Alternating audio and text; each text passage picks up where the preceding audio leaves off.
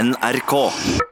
Blodet vårt er rødt, blodrødt, mens dyr kan ha både gult, blått, lilla og grønt blod. Og så har vi òg forskjellige sorter blod, og så er blod tykkere enn vann. Så mange av oss har nok eh, som barn kuttet oss i hånda sammen med bestevenn og holdt sårene tett mot hverandre, sånn at vi skulle blande og dele blod. Morten Munkvik, har du gjort det? Har du en blodsbror? Jeg har ikke det, altså. Det er kanskje ikke særlig lurt.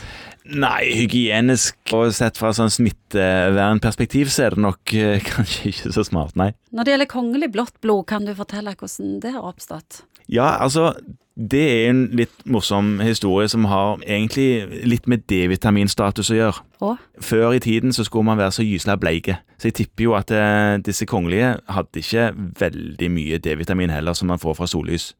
Og når man er bleik i huden, så ser man blodårene bedre. Sånn at du så blodårene til de kongelige. Du, hvorfor er det sånn at vi har forskjellige blodtyper? Ja, hvorfor? Det er et kjempegodt spørsmål. Det hadde gjort det veldig mye lettere om man bare hadde én. Ja. Altså, man har forskjellige blodtyper, akkurat som man har forskjellige vevstyper. Altså, du kan ikke få transplantert hjerte, nyre og lunge fra hvem som helst. Det må være vevsforlikelighet. Akkurat det samme er det med blod, at det er forskjellige overfladeproteiner på blodcellene som gjør at man ikke har likt blod. Ka, så kan ikke blande blod. Man kan ikke i utgangspunktet blande hva som helst av blod, nei. Hva, hva heter de vanligste blodtypene vi har? De to vanligste er AB0-systemet, som er A- og B-overfladeproteiner, og, eller ingenting, og da er det null.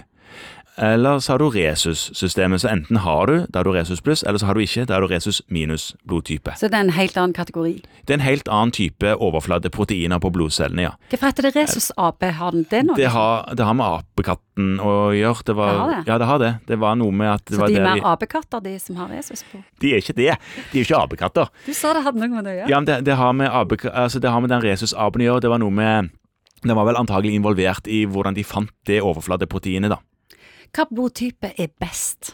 Hvilken ville du hatt hvis du kunne velge fra øverste hylle?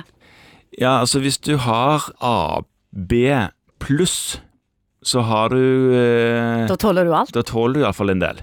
AB pluss er best. Hvis noe skulle skje med deg, så tåler du flere blodtyper. Ja, Og så er det bare antennene ut på blodcellen. De frakter like mye oksygen og gjør akkurat samme jobben. Og så lurer jeg på hva bloddoping er. Bloddoping er, er Altså blod, de røde blodcellene i blod De har med oksygentransport å gjøre. Så jo mer man har av de røde blodcellene, jo mer oksygen klarer man å frakte rundt omkring i blodet. Så det man kan gjøre, det er å ta en blodprøve.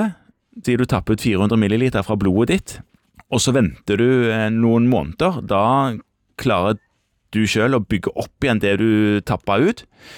Og så tar du vare på det blodet du tapper ut, og preparerer det sånn at du sitter kun igjen med blodcellene, og så kan du sette inn igjen de brøde blodcellene.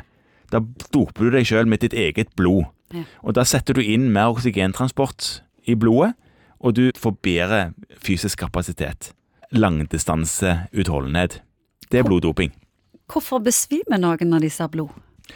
Det er jo et godt spørsmål. Det er det som kalles for en vasovagal synkope. Det er ofte staute, tøffe menn som går i bakken når de ser blod. Og de er ikke pysete.